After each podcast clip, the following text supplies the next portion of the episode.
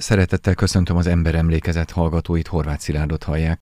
Ma a szocializmus erőltetett iparosításáról beszélgetünk Cserényi Zsitnyányi Ildikó történésszel, és arról, hogy miként fogták perbe a 40-es évek végén és az 50-es években a bánya műszaki értelmiséget. De mindenek előtt hallgassák meg, mit írt ebben az ügyben egy fogdaügynök, az 50-es évek konstruált szabotáspereinek egyik áldozatáról, Kelemen Ferencről. A műsorban szereplő dokumentumokat beszélgető társam nemrég megjelent Akna munka, szabotásperek a Rákosi korszakban című könyvéből idézzük. Egy kisebb szobában való néhány perces várakozás után előadója bevezette Kelement egy pompásan berendezett nagyobb terembe. Az íróasztalnál középmagas, sötét hajú, nyírott bajszú, sötét polgári ruhát viselő férfi ült, a közelében lévő fotelekben pedig három, ugyancsak polgári ruhás férfi üldögélt. Kelemen megfigyelte, hogy az íróasztalon számtalan telefonkészülék és különleges alakú, hosszúkás formájú doboz van elhelyezve, amelyen két tárcsa és több sor fehér gomb volt. Az íróasztalnál ülő férfit előadója altábornagy úrnak szólította, amiből Kelemen rögtön megállapította, hogy Péter Gábor altábornagy előtt áll. Én már beszéltem egy pár nagy emberrel életemben, mesélte Kelemen, de mondhatom, ilyen lámpalázam még nem volt. Ekkor jöttem rá végérvényesen arra, hogy ez nagyon komoly ügy lehet, és nekem is valami nagyon fontos szerepet tulajdonítanak, hiszen az államvédelmi hatóság vezetője, aki ma körülbelül a legnagyobb hatalmasság az országban, nem foglalkozhatna saját maga vele. Rám egyénileg nagyon jó benyomást tett. Nagyon nyugodtan, csendesen, de annál határozottabban beszélt. Érezni lehetett a hangjá, hogy neki nincs szüksége arra, hogy kiabáljon, hozzá van szokva ahhoz, hogy amit a legcsendesebben mond, az is úgy megy, mint a karikacsapás. Kijelentette az altábornagy, hogy térjek észre, mert ha ők akarják, én azt is beismerem, hogy tegnap este churchill sétáltam a Margit hídon. A vád mindenkor az volt, hogy szabotáltak. Szabotálták a termelést, azért volt légrobbanás, mert szabotás történt, azért volt elmaradás a tertől, mert szabotás történt, tehát nyugati ügynökök és szabotőrök. Igen, igen, tehát gyakorlatilag a szabotás volt az elsődleges vádpont, illetve azt próbálták bizonyítani a letartóztatottak esetében. Utána hol kellett leülniük a büntetést? Ez változó volt. A vizsgálat az főként a Gyorskocsi utcába, illetve hát a Pécsi esetben ugye a Paranya megyei államvédelmi hatóságnál folyt, de pont a pécsiek voltak azok, akiket Vácra vittek, illetve hát különböző börtönökben voltak, akik Mária Nosztrára vittek, különböző börtönökbe kellett letölteniük a büntetésüket férfiakról beszélünk, ugye, igen, igen. hiszen műszaki értelmiségi igen. akkor nagyjából férfi Igen, igen, lehetett. férfiakról beszélünk ha egy szinten lejjebb megyünk, ugye itt vezetőkről, műszaki értelmiségiekről beszélgetünk, vájárok, munkások nem kerültek bele ebbe a körbe? Ez fel sem merült? kisebb ügyekért ítéltek el nyilván bánya munkásokat, de én ezeket nem vizsgáltam, ezeket az ügyeket még. A kihallgatási tervek tudatos koncepcióval épültek fel, meghatározva a kihallgató tiszt magatartását, valamint az őrizeteseknek szánt engedményeket. Olyan kedvezményekre kell gondolnunk, mint a kéz megmozdítása, vagy a kezeivel mutogathat. Kedvezmény számba ment az ülve történő kihallgatás, de ott volt a fenyegetés, hogy hazugság vagy tagadás esetén állva hallgatom ki. Úgynevezett szolgálati jegyeken olvashatjuk a vizsgálatot végző alosztály olyan engedményeit, mint az alvás engedélyezése, a kihallgatások után az őrizetes cellájában egy alkalommal írást engedélyezni, esetleg kaphatott egy fényképet a feleségéről, a gyerekeiről. A már amúgy is megtört őrizeteseket két véglet között hagyta örlődni az AVH. Vagy kedvezmények engedélyezésével hitegette, vagy fenyegetésekkel, megvonásokkal büntette őket. A kényszerítő eszközök alkalmazása, így a testi fenyítések, verések, a lelki ráhatás, a családtagokkal történő zsarolás egyértelműen kimutatható az iratokban. Rettenetesen megkínozták éjszakai kihallgatásán. Megrugdosták és leköbdösték. Nagy kabátját elvették tőle, és arra kényszerítették, hogy nyitott ablak mellett feszes vigyázban állja végig az egész kihallgatást. Nem törődtek azzal, hogy magas láza van. Ha eddig tudta is, hogy ezek mennyire aljasok, azt mégsem gondolta, hogy ennyire mentesek legyenek minden emberi érzéstől. Ezek talán nem is emberek, hanem csak két lábon járó gépek. Ezek az emberek mindannyian börtönbe kerültek, vagy esetleg tárnákba is kerültek rabmunkára. Nem volt ilyen. Azt tudjuk, hogy például a vizsgálati fogság alatt több bányamérnököt dolgoztattak, tehát szakmai terveket, szakmai koncepciókat kellett kidolgozniuk használták gyakorlatilag már a, a vizsgálati fogság alatt a tudásokat, és később a börtönévek alatt is. Kijönnek a börtönből, és megpróbálnak visszailleszkedni a társadalomba. Először is mit tudunk arról, hogy a társadalom hogy fogadta őket? Elhitte a társadalom azokat a vádakat, amelyeket rájuk szórtak? Nagyon érdekes, mert számomra az derült ki az iratokból, a visszaemlékezésekből, hogy bányász társadalom tökéletesen tudta azt, hogy ezeket az embereket miért tartóztatták le, hogy ezek a vádak teljesen alaptalanok voltak, kik voltak azok a szakemberek, akiknek a felelőssége ebben tetten érhető, tehát kik voltak azok, akik a hatóság kezére játszottak. Ez megjelent a mindennapokban, és hát a félelem is, ami ugye amúgy ebből fakad, hiszen bárki letartóztathatóvá vált egy idő után már, hát főleg ugye 50 után tökéletesen tisztában voltak azzal, hogy ők ártatlanul kerültek letartóztatás alá, és segítették egymást, tehát a családokat segítették, az árván maradt családokat segítették, akár pénzzel, akár, mint ahogy a könyvben is írtam és mesélték, egy üvegteljel minden reggel a küszöbre lerakva, élelmiszercsomagokkal, tehát egy olyan fajta összetartozás figyelhető meg, ami azt gondolom, hogy példaértékű a bányásztársadalomban. Vitális Sándor letartóztatását követően már a második kihallgatásán találkozott Péter Gáborral. Erre a találkozásra Vitális Sándor így emlékezett. Az altábor nagy a második kihallgatáson kifogásolta a kérdésekre adott válaszaimat. Az a kemény hang nem azonban, amelyel ezt tudomásomra hozta, meglepett. Nagyon szigorú figyelmeztetésben részesített. Szó volt családom sorsáról is. Nyíltan megmondták, hogy életem Családom sorsa, az itteni bánásmód attól függ, mennyire teszek eleget kívánságaiknak. Azaz, vallomásaim mennyire szolgálják azt a célt, amelyet ők letartóztatásommal maguk elé tűztek. És a hátrányok meddig érték ezeket a családokat és ezeket az embereket? 1956 után is, a Kádár rendszerben is érték még őket hátrányok? Hát mindenképpen, hiszen nagyon, tehát a saját szakmájukban nem nagyon tudtak. Tehát például a Bende József soha nem tudott, mint főmérnök később elhelyezkedni. És mindegyikük vagy alkalmazott, vagy középvezetői státuszba került. Mindenképpen visszahelyezte őket a politikai hatalom a bányaműszaki területre. Egy emberről, Schmidt Sándorról tudunk, aki ugye a vizsgálati fogságban meghalt életét vesztette. Schmidt Sándor volt az a bányamérnök, akihez fűződik gyakorlatilag dorognak, mint bányavárosnak a felépítése idős volt, amikor letartóztatták, 71 éves, és ő volt az, akit a vizsgálat is fogság annyira megtört, hogy ő ott életét vesztette. Több szakember viszonylag idős korban került a vizsgálati fogság alá, és hát például Káposztás Pál is egy-két évre a szabadulása után meghalt. Beszéljünk Komlós Jánosról. Azért beszéljünk róla, mert ugye magasrangú ávós tiszt volt, több vizsgálat lefolytatója is, és aztán őt elbocsátják a testületből. 1956 után pedig színházigazgatóként és a Kádár rendszer egyik vezető, bár a határokat mindig jól felismerő humoristájaként ismertük meg. Ő milyen módszerekkel vizsgálta a, hát mondjuk nyugodtan így, hogy áldozatait? Azt gondolom, hogy Komlósról azt muszáj leszögeznünk, és ezt most már egyértelműen kijelenthetjük, hogy Komlós János a rendszer felülről irányított kritikusa volt.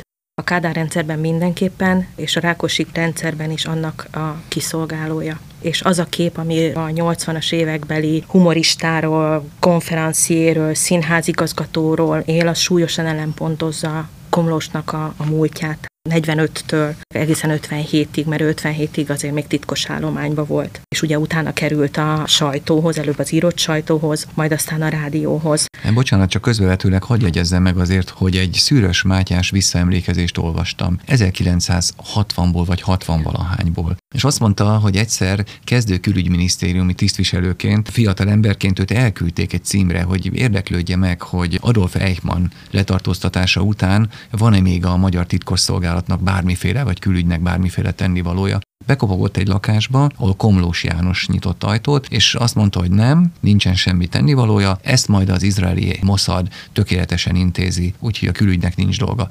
Na most ez 60-61 aki nincs funkcióban, ahhoz miért is menesztenek egy fiatal gyakornokot, hogy legyen kedves érdeklődőről, hogy mit kell tenni? Komlost 53-ban bocsátották el hivatalosan az államvédelmi hatóságtól, majd 56-ban visszavették titkos állományba, és pont külügyi diplomataként és papíron ugye még jócskán a forradalom után 57-ben került el onnan, illetve szűnt meg elviekben, de én is hallottam olyan történeteket például, hogy 1958-ban Egerben fiatal katona tisztekhez ment le politikai agitációt, politikai előadást tartani. Ezt nem tudjuk. Eleve komlos életre ez a borzasztóan nehezen nyomon következett. Tehát borzasztóan nehéz fölfűzni. Erről írtam most egy tanulmányt. Pont emiatt a Pécsi ügy miatt kezdett el érdekelni ennek az embernek a személyisége. És hát ugye ő kínosan figyelt arra, hogy azért az életrajzából egyrészt kimaradjanak ez az időszak, tehát annyit tudunk, vagy annyit olvashatunk, hogy hát a politikai rendőrségnél dolgozott, de bővebbet nem. Ugye 2001-ben jelent meg Komlósról egy könyv, visszaemlékezés, gyűjtemény, ahol hát nagyon érintőlegesen említik Komlos államvédelmi múltját, de azt is úgy, hogy nem foglalnak állást, vagy hát igen, volt ilyen, de valószínűleg nem tölthetett be vezető szerepet, nem lehetett ő erőszakos államvédelmi tiszt, így az iratokból visszafűzve vagy felfűzve lehet rekonstruálni Komlos államvédelmi múltját, mert például az állomány gyűjteményben, ahol ugye számba veszik az államvédelmi hatóságnál, illetve az állambiztonsági szerveknél funkciót betöltő személyeket, tehát még ott az adatlapja is rendkívül hiányos. Ott is nagyon sok minden el van hallgatva.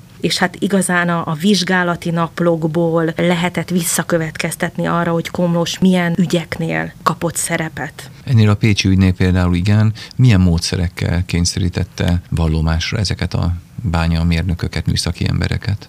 Komlós 45-ben került a politikai rendőrséghez, utána ő 47-ben Szegedre került, majd 49-ben megint visszakerült Budapestre, és akkor a budapesti osztálynak volt ő a vezetője, és 50 februárjába került Pécsre és nem csak a Pécsi ügynél, hanem előtte már a szegedi ellenállási mozgalom felszámolásánál, illetve később ugye a Gröszperben is szerepet kapott, mint vizsgálótiszt, tehát így gyakorlatilag egyértelműen megállapítható az, hogy Komlós egyrészt fizikai kényszert is alkalmazott, másrészt meg azt a fajta képességét, tudását, amit mint konferencié, mint újságíró, mint rádiós később tudott kamatoztatni, tehát hogy úgy tudott vallatni, vagy úgy tudott emberekkel beszélni, hogy elhitetett velük dolgokat, tehát akár azt, Vezér Ferencnél például, hogy a őszügyben letartóztatott Vezér Ferencnél, hogy nem lesz elítélve, sőt, még a gyónási titkot is kicsikarta belőle. Ő az utolsó pillanatok meg volt győződve arról, hogy nem lesz halára ítélve, és ott a tárgyaláson tudta meg, hogy őt azzal vádolják, hogy megölt szovjet katonákat. Komlos azt a fajta képességét, amit nagyon jól tudott kamatoztatni humoristaként, azt a diktatúra időszakában, mint vizsgálótiszt is remekül tudta érvényesíteni. Bár humoristaként nem pofoszkodott. Hát humoristaként nem pofoszkodott. Ellentétben ávós tisztként, ha jól értem. Úgy igen. Igen. igen. Az 1950-ben megindult pécsi vizsgálatot az AVH Baranya megyei osztályának akkori vezetője, Komlós János államvédelmi százados, később újságíró, humorista, kabaré igazgató folytatta le. Komlós János 1945 májusában önkéntes jelentkezés alapján került a politikai rendőrséghez, majd 1946-ban otthagyva a szociáldemokrata pártot belépett a kommunista pártba. 1947-től a Szegedi, majd a Buda környéki osztályhelyettes vezetője, majd vezetője volt. 1950-ben az AVH Baranya megyei vezetője, 1951-ben a budapesti központba került különböző beosztásokba. 1953 elején őrnagyi fokozattal leszerelték, és műszaki fordítóként helyezkedett el. 1956. februárjában ismét államvédelmi állományba került, titkos állományú tisztként, főállásban a külkereskedelmi minisztérium protokollosztályát vezette, mellette pedig titkos szolgálati kémelhárító rezidensként ő irányította a protokollvonalon az államvédelmi hálózatot. 1957-ben a Magyar Rádió irodalmi osztályán szerkesztő. 1958-tól vezette a Magyar Nemzet, majd 1962 és 67 között a Népszabadság kulturális rovatát. 1965 és 1981 között jelentek meg szatírái, humoreszkjei és jelenetei. 1967-től a Mikroszkóp színpad alapító igazgatója és konferenciéja. Komlós nem válogatva az eszközökben próbálta vallomásra bírni a bányamérnököket. Módszerei közé tartozott az éjszakai kihallgatás, alvás megvonás, testi fenyítés, fogdaügynökök alkalmazása és a sötét zárka. Rimer László, letartóztatott bányamérnök, a következőket írta erről. Kezdtek rendszeresen gyötörni, rám akarták erőszakolni a vádakat.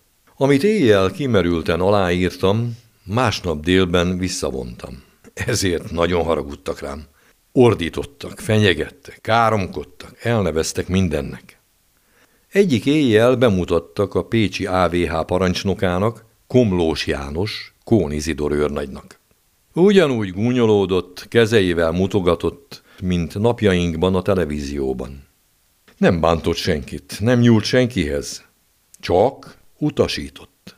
Nagyon fontos személy lehettem, mert egy éjszaka kipattant a cellám vasajtaja, és ott állt komlós, két-három ávós törstisztel, kihízott pestiek lehettek.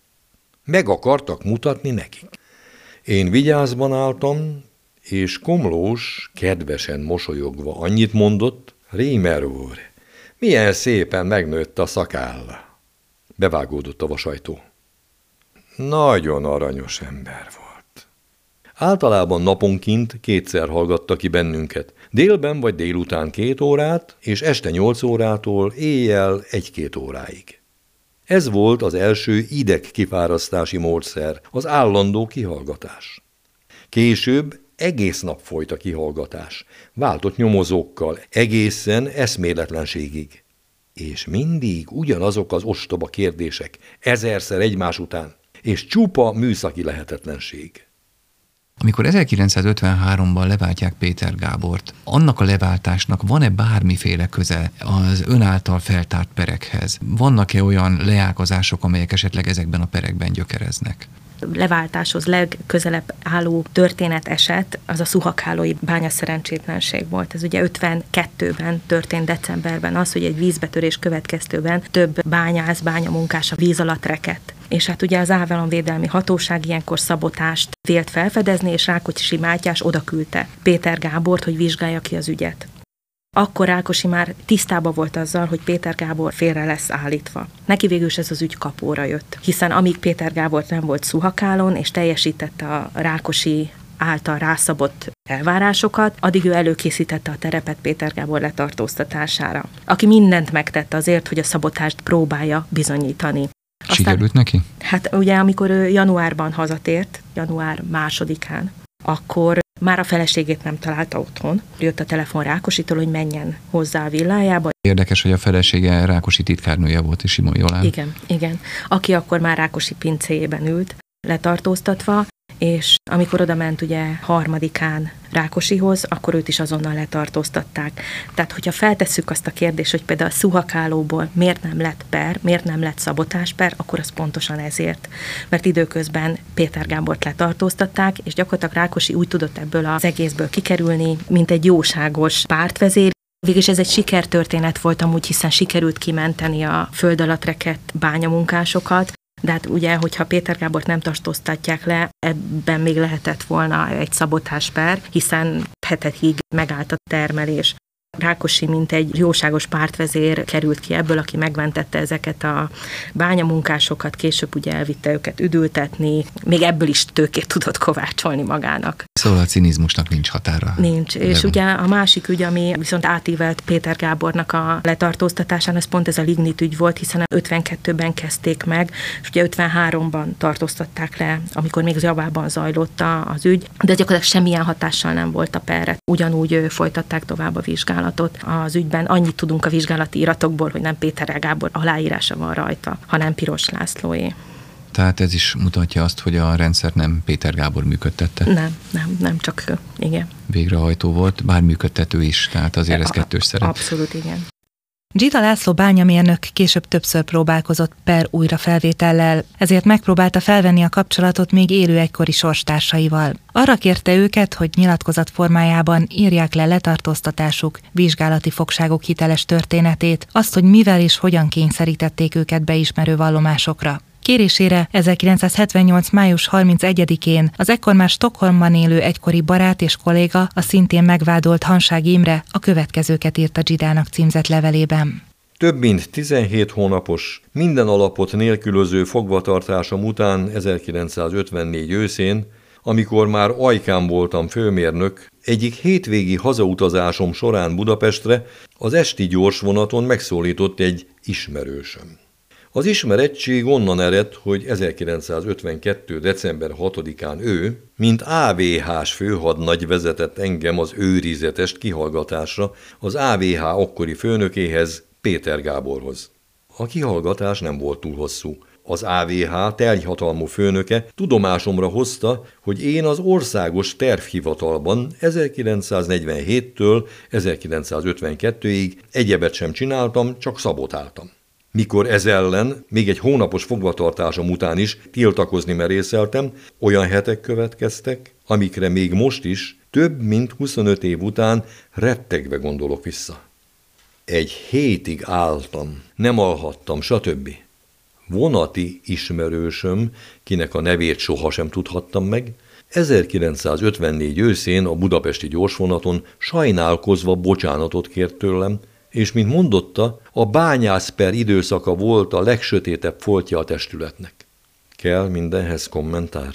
Amikor egy akkor is aktív AVH-s tiszt közli velem, hogy ő személy szerint teljesen meg volt győződve ártatlanságomról, és csupán a terrorizált fegyelem kényszerítette őt is arra, hogy többek között engem is alaptalan vádakkal, őszinte beismerésre kényszerítsen olyan dolgokkal kapcsolatban, amiket sohasem követtem el miként te is, én is mindent bevallottam és elismertem bűnösségemet, mert távolról sem voltam cselekvő és gondolkozó képességem birtokában. Annyira meg voltam félemlítve, hogy mikor 1954 tavaszán egy akkori kihallgatóm, Engedi nevű főhadnagy, aki már bemutatkozott, felszólított arra, hogy vonjam vissza a kényszerítő körülmények hatása alatt tett beismerő vallomásomat, még ez ellen is tiltakoztam több napig, és továbbra is bűnösnek vallottam magam. Hogy bűnös nem voltam, azt, ha már a tények nem is tudták eléggé bizonyítani. Tárgyalás nélküli szabadon bocsájtásom azt hiszem eléggé alátámasztotta. Kedves Laci barátom, férhet ezek után a legcsekélyebb kétség ahhoz, hogy állítólagos terhelő vallomásom ellened minden alapot nélkülözött? Miután azt átéltem, hogy én milyen bánásmódban részesültem az AVH börtönében, ahol az eltöltött 17 hónap legnagyobb részét teljesen izoláltan, egyes cellákban töltöttem el, semmiképpen sem lehet kétségem arra vonatkozólag, hogy te más bánásmódot kaptál volna. És természetesnek kell tartanom, hogy bűnösnek vallottad magad izgatás címén, amit sohasem követtél el. Ön megfogott most egy gombolyakból kiálló véget, és aztán elkezdte ezt legombolyítani. Mi lesz a folytatás? Egyrészt nagyon szeretném, hogyha valóban ezek a félelmek végre megszűnének, hiszen nem egyszer tapasztaltam azt, hogyha meghívtak egy ilyen beszélgetésre, akár a szűkebb műszaki értelmiségi körökben, hogy volt, aki feláll, és azt mondta, hogy ezt nem szeretné hallani. Erről ne beszéljünk. Nyilván ez nagyon nehéz a mai napig, de nagyon jó lenne, ezeket az ügyeket tényleg felgöngyölíteni, végre megírni, hogy megismerhessék, enyhülést adva ugye ezzel a családtakoknak, illetve minél szélesebb körben ismerjék meg ezeknek az embereknek a nevét, hiszen ezek az emberek meghatározó bányamérnökei, geológusai voltak a korszaknak. Nagyon ismertek a szakmájukban akkor, és még a mai napig is ismert a nevük illetve hát tovább folytatva a kutatást, az 56 utáni pereket, eljárásokat, bánya szerencsétlenségeket vizsgálni, és ezeket szintén feltárni.